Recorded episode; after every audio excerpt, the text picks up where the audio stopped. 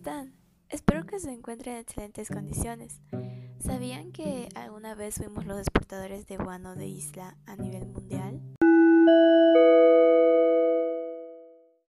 Entre 1840, el Perú tuvo grandes ingresos producto de la venta del guano, ya que el guano fue el principal agente de desarrollo nacional, pero a pesar del crecimiento económico de esa época, se tomaron malas decisiones respecto a su manejo, llevando al país a una cadena de endeudamientos que terminarían en una onda de crisis, agravando la dependencia del país por las exportaciones del guano, en vez de propiciar un desarrollo autónomo.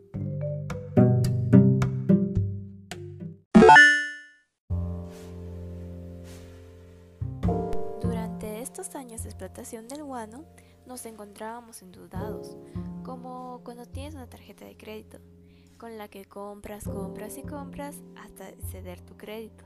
Lo mismo pasó en esa época.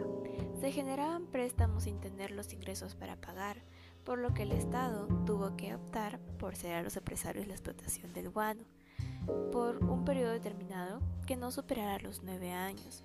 A esto se le llamó consignaciones.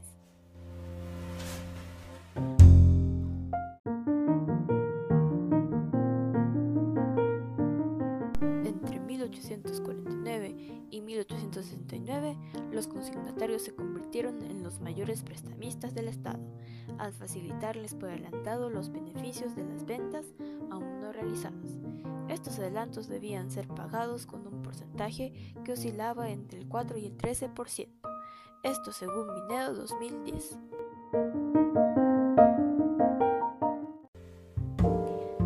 Luego de un tiempo durante el gobierno del presidente José Balta, ocurrió la ruptura con los consignatarios.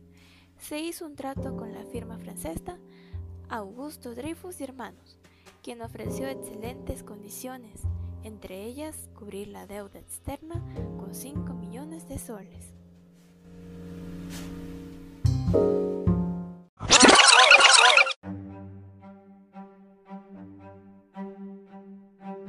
Los consignatarios, por obvias razones, llevaron el caso ante el Poder Judicial, pero el convenio con Dreyfus siguió adelante.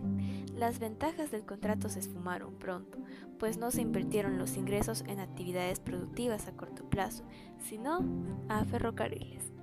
Una obra que nunca se llegó a completar y aunque aparte de este dinero sí llegó a servir para mejorar la infraestructura de la ciudad de Lima, hay que afirmar que durante ese tiempo gran parte del dinero tuvo un destino dudoso.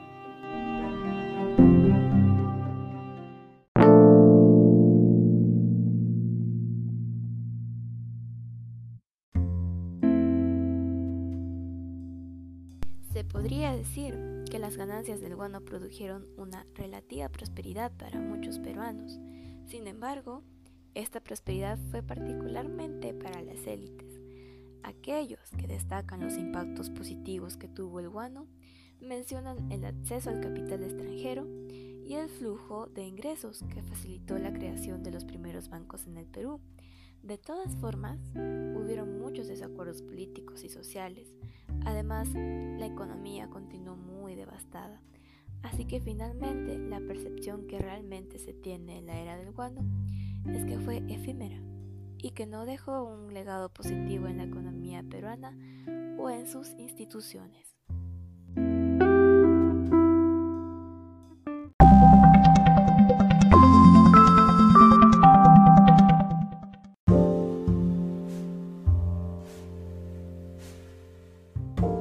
No obstante, como en todos los cambios de era, esto nos dejó varios cambios y permanencias al analizarlos podemos darle una mejor vista a cuánto hemos cambiado hasta la situación en la que nos encontramos.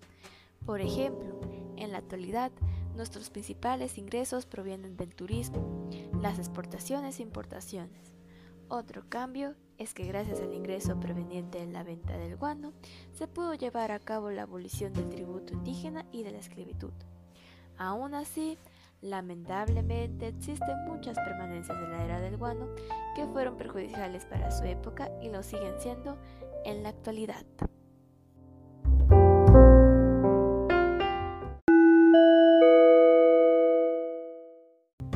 Ya que las características que han resaltado en los últimos años de los gobiernos son la corrupción, la inestabilidad y los bajos ingresos.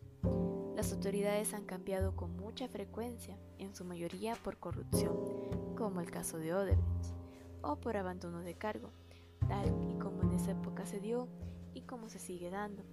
Se podría decir que las causas han sido la falta de transparencia del Estado al momento de informar sobre sus actividades tanto económicas como políticas.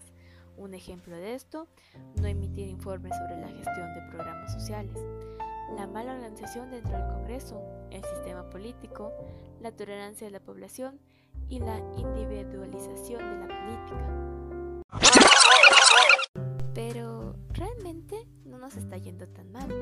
Entre 2010 y 2015, la pobreza monetaria se redujo del 37% al 22% y la pobreza extrema del 8% al 4%.